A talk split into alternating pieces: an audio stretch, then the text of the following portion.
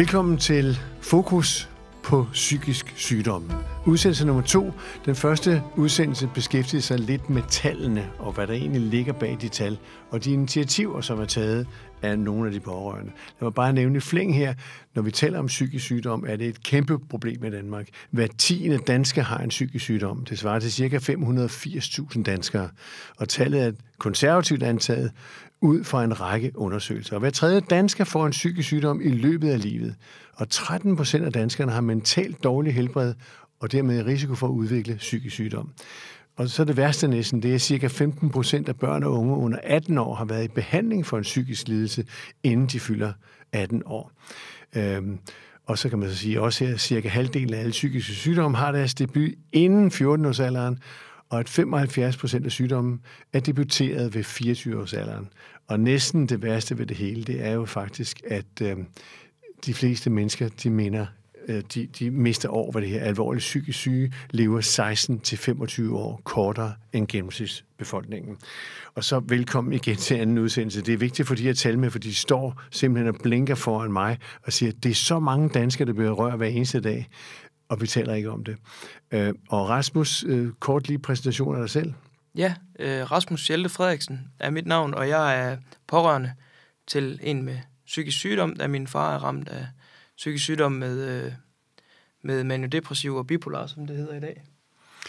Og du fortalte til Christian omkring det, sammen med din familie gik op til Christian og fortalte om det her forløb. Og Christian, du præsenterer lige dig selv ja. og fortæller lidt om det, du oplevede med dem. Ja, jeg hedder Christian Buer og er formand for Bedre Psykiatri Aarhus. Og det jeg oplevede med øh, besøg fra øh, i første omgang Rasmus, øh, det var øh, en familie, som var meget, meget engageret i at udbrede øh, arbejdet omkring syg sygdom. Og meget, meget engageret i at bedre forholdene for de syge og for de pårørende. For det at være syg er en stor belastning, også for resten af familien, og specielt hvis altså øh, det, man så kan gå ind i, hvorfor det er, for nogen, hvorfor det er så vanskeligt at gøre noget for de syge og for de pårørende. Når nu vi taler om de her meget, meget høje tal, og vi taler om tabuisering, der næsten ikke bliver talt om det, så sagde du også i sidste udsendelse, at du er også lidt ansvarlig for det her. Ja, fordi øh, jeg er jo ligesom øh, alle andre, eller mange andre pårørende, så har jeg ikke været åben omkring det, jeg stod med, før jeg faktisk havde fået arbejdsmarkedet, fordi jeg var blevet pensioneret, og jeg fik tid og overskud til at gå ind i arbejde omkring de pårørende situation i forhold til de syge, men samtidig også de syge, syge syges situation. Vi fagner det hele, hvis vi kan. Og øh, der oplevede jeg så, at øh, jeg, da jeg kom til at tale med mine tidligere medarbejdere, at de bliver klar over, at hvad det er, jeg går og busler med, efter jeg har forladt arbejdsmarkedet, så, øh, så er der flere af dem, der står med nogle lignende situationer, og så pludselig kan vi tale om det, i stedet for at vi faktisk er bange for at sige det åbent. Så der skal meget til for, at vi får en bedre situation. Men det første, der skal ske, det er jo, at vi alle sammen er ærlige om, hvad det er for nogle problemer, vi slås med. Rasmus, du sidder og nikker, fordi du er jo så den person som pårørende, der har været aktiv og sagt, det er det, vil har gøre noget ved. Og din far har indvilget i det, og jeres familie er glade for det i dag. Er det ikke sådan, det er? Jo, det, det synes jeg. Det synes jeg. Jeg tror, øh, jeg tror også, øh, min far er rigtig glad for at få sat ord på nogle af de ting, han, han ligesom oplever, og det han har været igennem, og, og kan give det videre også. Øhm, fordi den, den største misforståelse, øh, hvis man kigger på øh, samfundet, det tror jeg da lidt, det er, at, at øh, alt det, han skal igennem som syg, det trækker bare i hver sin retning. Altså øh, det med, at øh, alle skal bidrage til arbejdsmarkedet, det, øh, det tror jeg, vi er rigtig mange, der er enige i, men med alt øh, respekt og fornuft i behold øh, for alt det, han øh, ligesom var igennem af jobprøvninger og alverdens ting og sager, før han kunne få hans førtidspension. Øh, det var jo fuldstændig uhørt, øh, hvad krav der blev stillet til ham som syg. Han, den syge fik slet ikke lov til at være syg. Øh, og det tror jeg egentlig rigtig gerne, han, han vil øh, give den historie videre og, og, og lade folk få forståelsen af, hvad det har gjort, fordi det har jo haft modsatte effekt. Han ville jo elske den dag i dag, hvis han kunne have, have haft et, øh, et job, et deltidsjob eller et flexjob, et eller andet, hvor, hvor han kunne, øh, kunne bidrage med det, han nu kunne. Men, men fordi at, at der var så meget fokus på, at han skulle bare tilbage på arbejdsmarkedet øh, for fuld musik, øh, det gjorde ham faktisk mere syg, end, end, end det hjalp ham. Så jeg mm. tror også, det er det, vores familie rigtig gerne vil, vil, øh, vil slå et slag for, at, at, øh, at det bliver ændret. Øh, fordi det har lidt modsatte effekt, end, end jeg tror, systemet øh, håber på. Den syge får ikke lov til at være syg, og det er et stort problem. Nu nævnte du, Christian, på et tidspunkt også, og i sidste udsendelse, at øh, mange af de syge får meget medicin. Ja. Og øh, du peger på, at det, der er behov for i virkeligheden, det er en kognitiv øh, hjælp. Og det var sådan set også til, at din far havde haft behov for oprindeligt. Er det rigtigt forstået? Ja, helt sikkert. Og det vil sige, hvis man havde taget fat på det, og ikke taget medicinen, så havde han måske i dag været anderledes stillet. Altså, alle de gange, han så har været nede og ligge, hvis man kan sige det sådan, har jo ikke gjort hans medicinbehov mindre, kan man sige. Nej. Men der er ingen tvivl om, der hvor han er i dag, der vil han ikke kunne være det. Nej. Og det er så for lang tid, kan man sige, ja.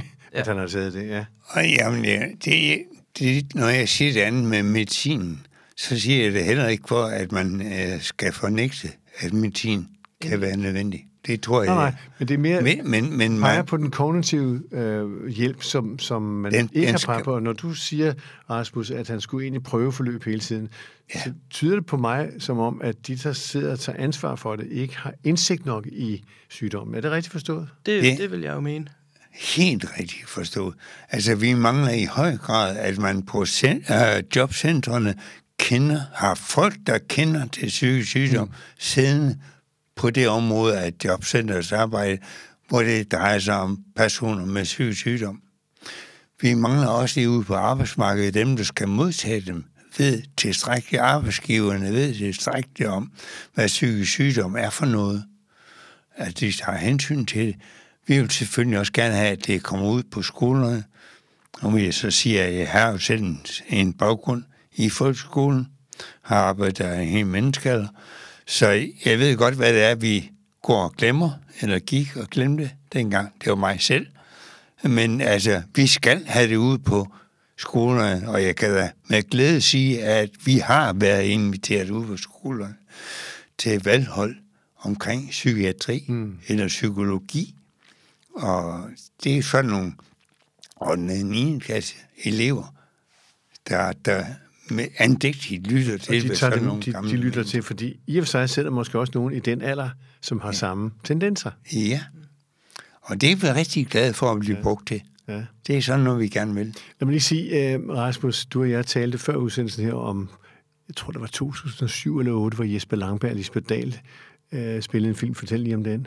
Ja, vi snakkede om, øh, om serien mm. Sommer, Ja. øh, med Jesper Langberg, der bliver ramt af, af Alzheimers. Lægen, som... Lægen, ja, lige præcis. Ja. Øh, hvordan man ser, det æder øh, et menneske op. Og det giver jo, ja, som vi snakker om, at der blev det jo, der blev det da en, en, en kendt sygdom for mig. Øh, og den kan jeg lige så tydeligt huske den dag i dag. Det kan man jo sige, den har været med til at skabe øh, indsigt i et sygdomsforløb, den serie. Og så er mit spørgsmål, har man, har man gjort for lidt ud af at informere vores samfund omkring øh, det her kæmpe problem? Er det politikernes fejl? Er det vores fejl som pårørende, at vi ikke taler åbent om det? Uanset hvor fejlen ligger, hvad gør vi for at komme videre, så det her det kan komme på, han er sagt, finansloven, så der kan komme noget ordentligt ud af det? Hvad, hvad siger du Jeg, det? jeg, tror, jeg tror ikke, vi skal lægge øh, skylden bare på en gruppe. Nej, nej. Jeg tror, vi er mange, der er medskyldige i, at der vides så lidt, som det gør. Men det, der skal til, set fra, som jeg ser det i hvert fald, det er, at, øh, at, at, at der skal være en større agtelse for de mennesker, der arbejder med øh, psykisk sygdom, og der skal, øh, de særlige lægerne for eksempel, de skal, øh, de skal have interessen for at tage speciale som psykiater. Der skal være gode forskningsprojekter, for at det virkelig kan, give nogle resultater, som kan bruges, og også som giver den præcis, som øh, de, der nu går egentlig gerne vil have. Og, og når vi er, har nævnt sådan noget, som at levealderen for, for mange af dem med psykisk sygdom er 15-25 år kortere, mm. så hænger det jo blandt andet mig sammen med, at øh, der er, øh, medicinen er ikke altid, øh, den har også nogle bivirkninger, det har al medicin jo.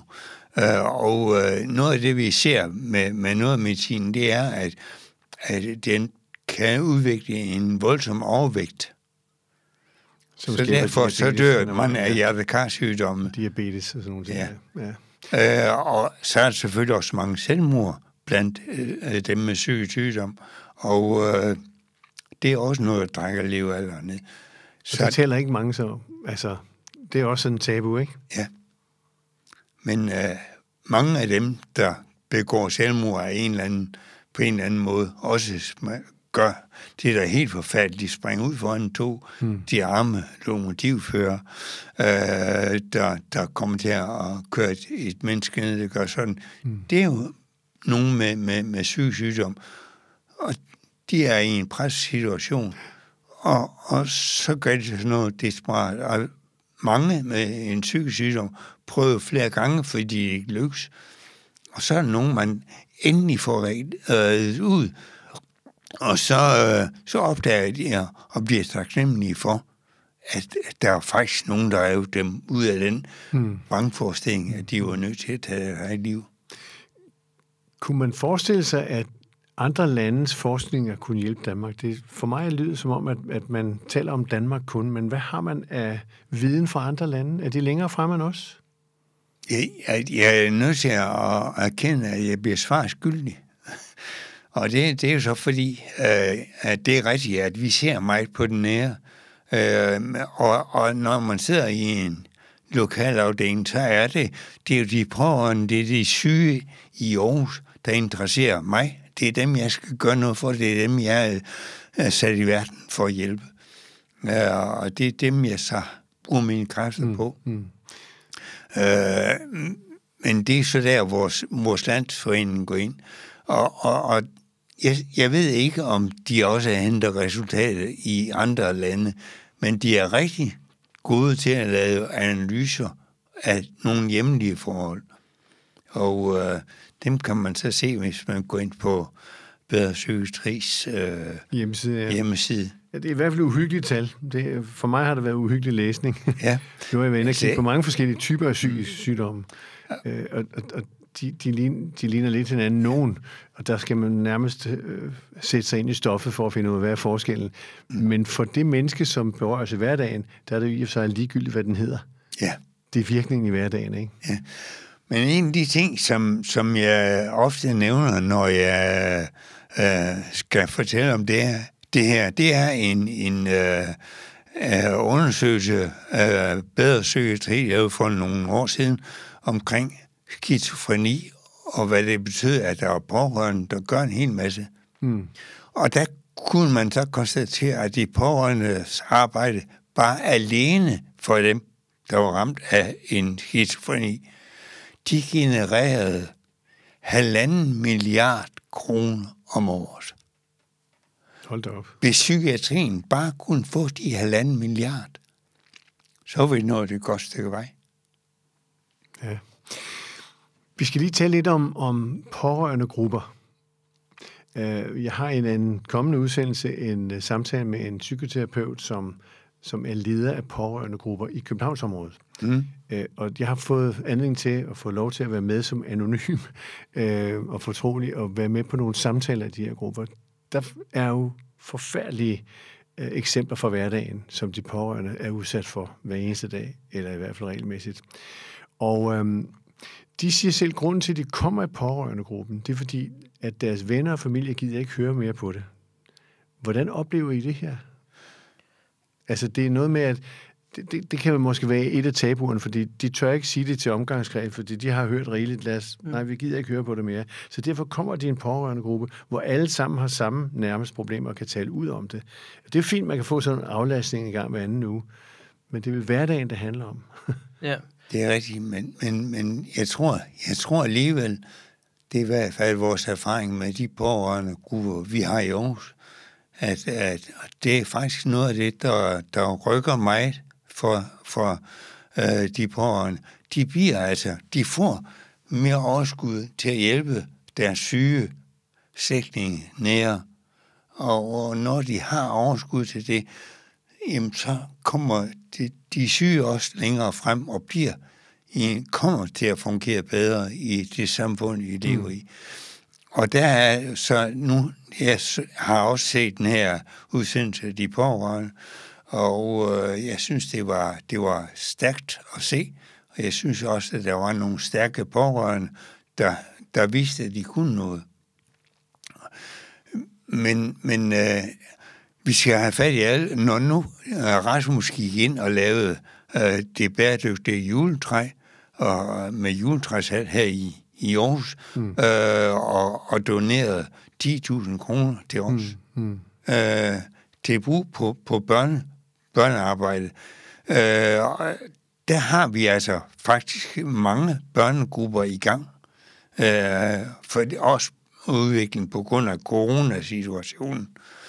Øh, vi har grupper for unge, vi har grupper for, for øh, forældre til børn, vi har grupper for seniorer, så, og, og så har vi jo noget mindfulness, og, og, og, så, så, og, og nogle individuelle samtaler osv., og noget telefonrådgivning. Så der foregår mange ting, og vi for, forsøger hele tiden via vores materiale også at gøre opmærksom på, hvad det egentlig er, vi kan tilbyde. Og så arbejder vi jo frivilligt, så vi koster jo ikke ret meget, enten der, hvor vi er nødt til at inddrage nogle mm. professionelle, og så skal vi have det drift. Rasmus, du er jo den unge i blandt os her, og har formodentlig forhåbentlig rigtig mange gode år for dig også i erhvervslivet, men, men du har dedikeret dig selv til det her. Kunne du forestille dig at bruge mere tid på for eksempel at gå ud og sige, skulle vi ikke undervise jobcentrene, bare for at tage et eksempel med din egen far, mm. Øh, så være proaktiv, sådan så det emne kommer op, også i de politiske kredse, så de kan se, at der er behov for den her behandling på den lange bane også? Jo, helt sikkert, og det er igen noget, vi i familien slår et slag for, når min søster, hun nu er uddannet jurist, hun har øh, lidt nogle andre knapper, hun kan trykke på, end, øh, end jeg kan, men øh, det er da i hvert fald helt sikkert, at man skal, man skal bræge de rigtige steder, hvis man skal nå i mål med nogle ting. Øhm, og tilbage med det, du spørger med i forhold til pårørende, pårørende grupper. Øhm, der slog jeg et slag for, for Christian, at de bedre psykiatri øh, ligesom brugte de penge, jeg donerede øh, til nogle øh, børnegrupper, fordi at det var en erfaring, jeg havde fra øh, mig selv i 10-12-årsalderen, blev jeg tilbudt øh, at komme i en pårørende gruppe, hvor vi både var med øh, børn, med, men også med forældre. Øh, så mødte vi ligesom nogle ligesendede, og der var en fagperson øh, sat på den her opgave, der ligesom mm. kunne give os nogle materialer og nogle ting at arbejde med, der, der, der skabte forståelse for os som børn. Øhm, og det synes jeg, det var, det var rigtig, rigtig fint at kunne det. Men, men ud over det, kan man sige, så, så snakker man jo igen kun i grupperne, øh, der har en ben i lejren, hvis man kan sige det sådan. Mm. Øhm, Udover det, der synes jeg, det har været rigtig vigtigt at inddrage øh, omgangskredsen, øh, for ligesom at, at gøre en, en, en kultur ud af, at man snakker om, hvordan man har det. Øh, så det synes jeg, det er rigtig, rigtig vigtigt. Pårørende grupper er vigtigt for, for dem, det omhandler, men, men, men åbenhed og, og, og skabe en kultur omkring, hvor man snakker om det, det synes jeg, det er også rigtig vigtigt. Så du og din søster vil tage fat i det her på den lange bane? Ja, det arbejder vi i hvert fald for. Når nu vi taler øh, sygdom og indsamling, så er vi jo klar over, hvilke udsendelser, der kommer på DR1 eller DR2, og det er kræft, og det er hjerte, ting og sager. Mm. Hvorfor ser vi ikke øh, psykisk syge? Ja, hvorfor gør vi ikke det? hvorfor gør vi ikke det? Det, øh, det synes jeg da helt sikkert, det var værd at tage med. Igen, øh, tilbage til de tal, du, øh, du læser op. Øh, det, det kan da ikke være irrelevant for samfundet i hvert fald at få det belyst. Og, øh, og heldigvis synes jeg i, i medierne, at, at vi efterhånden oplever flere øh, folk åbne op om det her, altså også med, med kendisbaggrund. Og ja. det synes jeg, det er rigtig, rigtig vigtigt få dem øh, i tale også, hvis man kan sige det sådan, fordi de når rigtig langt med det, de siger, og, øh, og så når de også en, en, et fanskar, øh, hvor de ligesom bliver set op til. Og så øh, den vej igennem, der føler jeg også, det er nemmere at få det accepteret øh, fra befolkningen af. Så en, en decideret landsindsamling med nogle kendiser, vil det kunne være et, et mål, I arbejder frem mod? Det øh, skal jeg ikke øh, afvise i hvert fald. Hmm. Men, men det er jo et spørgsmål om et initiativ, der tager jo tid, og det er jo frivillig tid mm. og prioritering. Lige præcis. Hvad siger din søster til det? Altså, er det noget, I konkret vil gå ind i, tror du? Der bliver i hvert fald... Jeg presser dig lidt, for det, det er et spørgsmål ja, ja, om, hvornår men, sker det her? ja, men det gør det, det gør det snart, tror jeg, jeg kan sige. Vi, vi arbejder på nogle ting lige nu, øh, hvor vi ligesom prøver at søsætte det her. Øh, med vores egen historie i hvert fald, men også hvad man, hvad man øh, lovgivningsmæssigt øh, kan gøre for at styrke øh, et sådan forløb. Og Christian, det er vel lige vand på jeres mølle? Ja da. Og, og Rasmus er jo meget beskeden, og nu så siger at vi arbejder lige også med noget på lovgivningsplan. Altså, rent faktisk har Rasmus' søster lavet et forslag, et borgerforslag, som i øjeblikket er ligger til underskrive, man kan skrive under på. Er det til, til Folketinget? Ja. Ja, hvor der skal være 50.000 stemmer, ikke? Der skal være 50.000 ja, stemmer. og der er en 17-18.000 på nuværende tidspunkt. Og hvad går det ud på? Så, Jamen, det er ligesom at sikre den her øh, sagsbehandlingsgaranti, og så også med noget tværsektuelt samarbejde. Lidt som jeg var inde på før med, at, at jobcenteret trækker i en retning, og, øh, og, og hvad hedder det, psykiatrien trækker i en anden retning. At vi ligesom oplevede, at der var en, en læge fra øh, psykiatrisk afdeling, der var nødt til at ringe til jobcenteret og sige, nu må I simpelthen lade Yes, som min far hedder, være, mm-hmm. fordi ellers så ender det øh, med, at I kan finansiere hans begravelse i stedet for. Øhm, så det kunne vi rigtig godt tænke os, at der ligesom var noget samarbejde på den konto. Det mangler der rigtig, rigtig meget. Ja. Har I noget Facebook, man også skal gå ind på? Altså, jeg har en uh, Facebook og en Instagram-side uh, for det her, det bæredygtige juletræ. Um, og der står måske også noget om Folketingets forslag? Der står noget om det, og min, uh, og min søster, Louise Schelte Frederiksen, har en uh, Facebook-side også, uh, som jurist og lektor, hvor hun også uh, slår et slag for det her. Lad os lige få din Facebook-adresse, sådan så vi kan gå ind og kigge på det. Ja, det er det bæredygtige juletræ. Det bæredygtige juletræ. Yes. Det husker vi. Det husker vi. Og jeg hvad, har, hvad hedder det så, Christian? Det er bæredygtige juletræ. Sådan, ja. Altid. Altså, jeg har lovet Christian, at, øh, at, øh, der kommer et 2021-salg også øh, i Aarhus, så der går ikke længe, inden jeg skal til at arbejde lidt på formaliteterne, hvordan vi får, øh, får det her gjort endnu større, end det var. Nu var det første år i 2020, men øh, vi giver det et skud mere. Også fordi, at jeg er erfaret, øh, at folk gerne vil i tale sætte det her, når man egentlig lige, når man har en at støtte sig op af, så er det åbenbart, så er det åbenbart lidt nemmere at, at åbne posen, hvis jeg henvendte øh, mig til nogen på gaden, sagde, at det var med støtteformål til bedre psykiatri. Det ramte flere, end jeg lige regnede med, men igen, med alle de tal, du kommer med, der kan man jo sige, at vi er jo mange, der er, der kan ikke genkende til noget af alt det her. Så, så folk på gaden øh, stoppede op en gang og, og var rigtig positive over støtteformålet. Så øhm, jeg tror, der er nogen derude, der er klar til at, at åbne op for, hvad det her det er for en størrelse. Så vi kommer til at høre meget mere fra jer, om jer, om de mange psykisk syge, og muligheden for, at Danmark kan gøre det bedre. Vi skal ikke lægge skjul på noget i hvert fald. Godt. Det bæredygtige juletræ, så ved vi det. God arbejdsløst, og forhåbentlig for Danmark et bedre Danmark med færre syge. Tak fordi I kom. Velbekomme. Tak.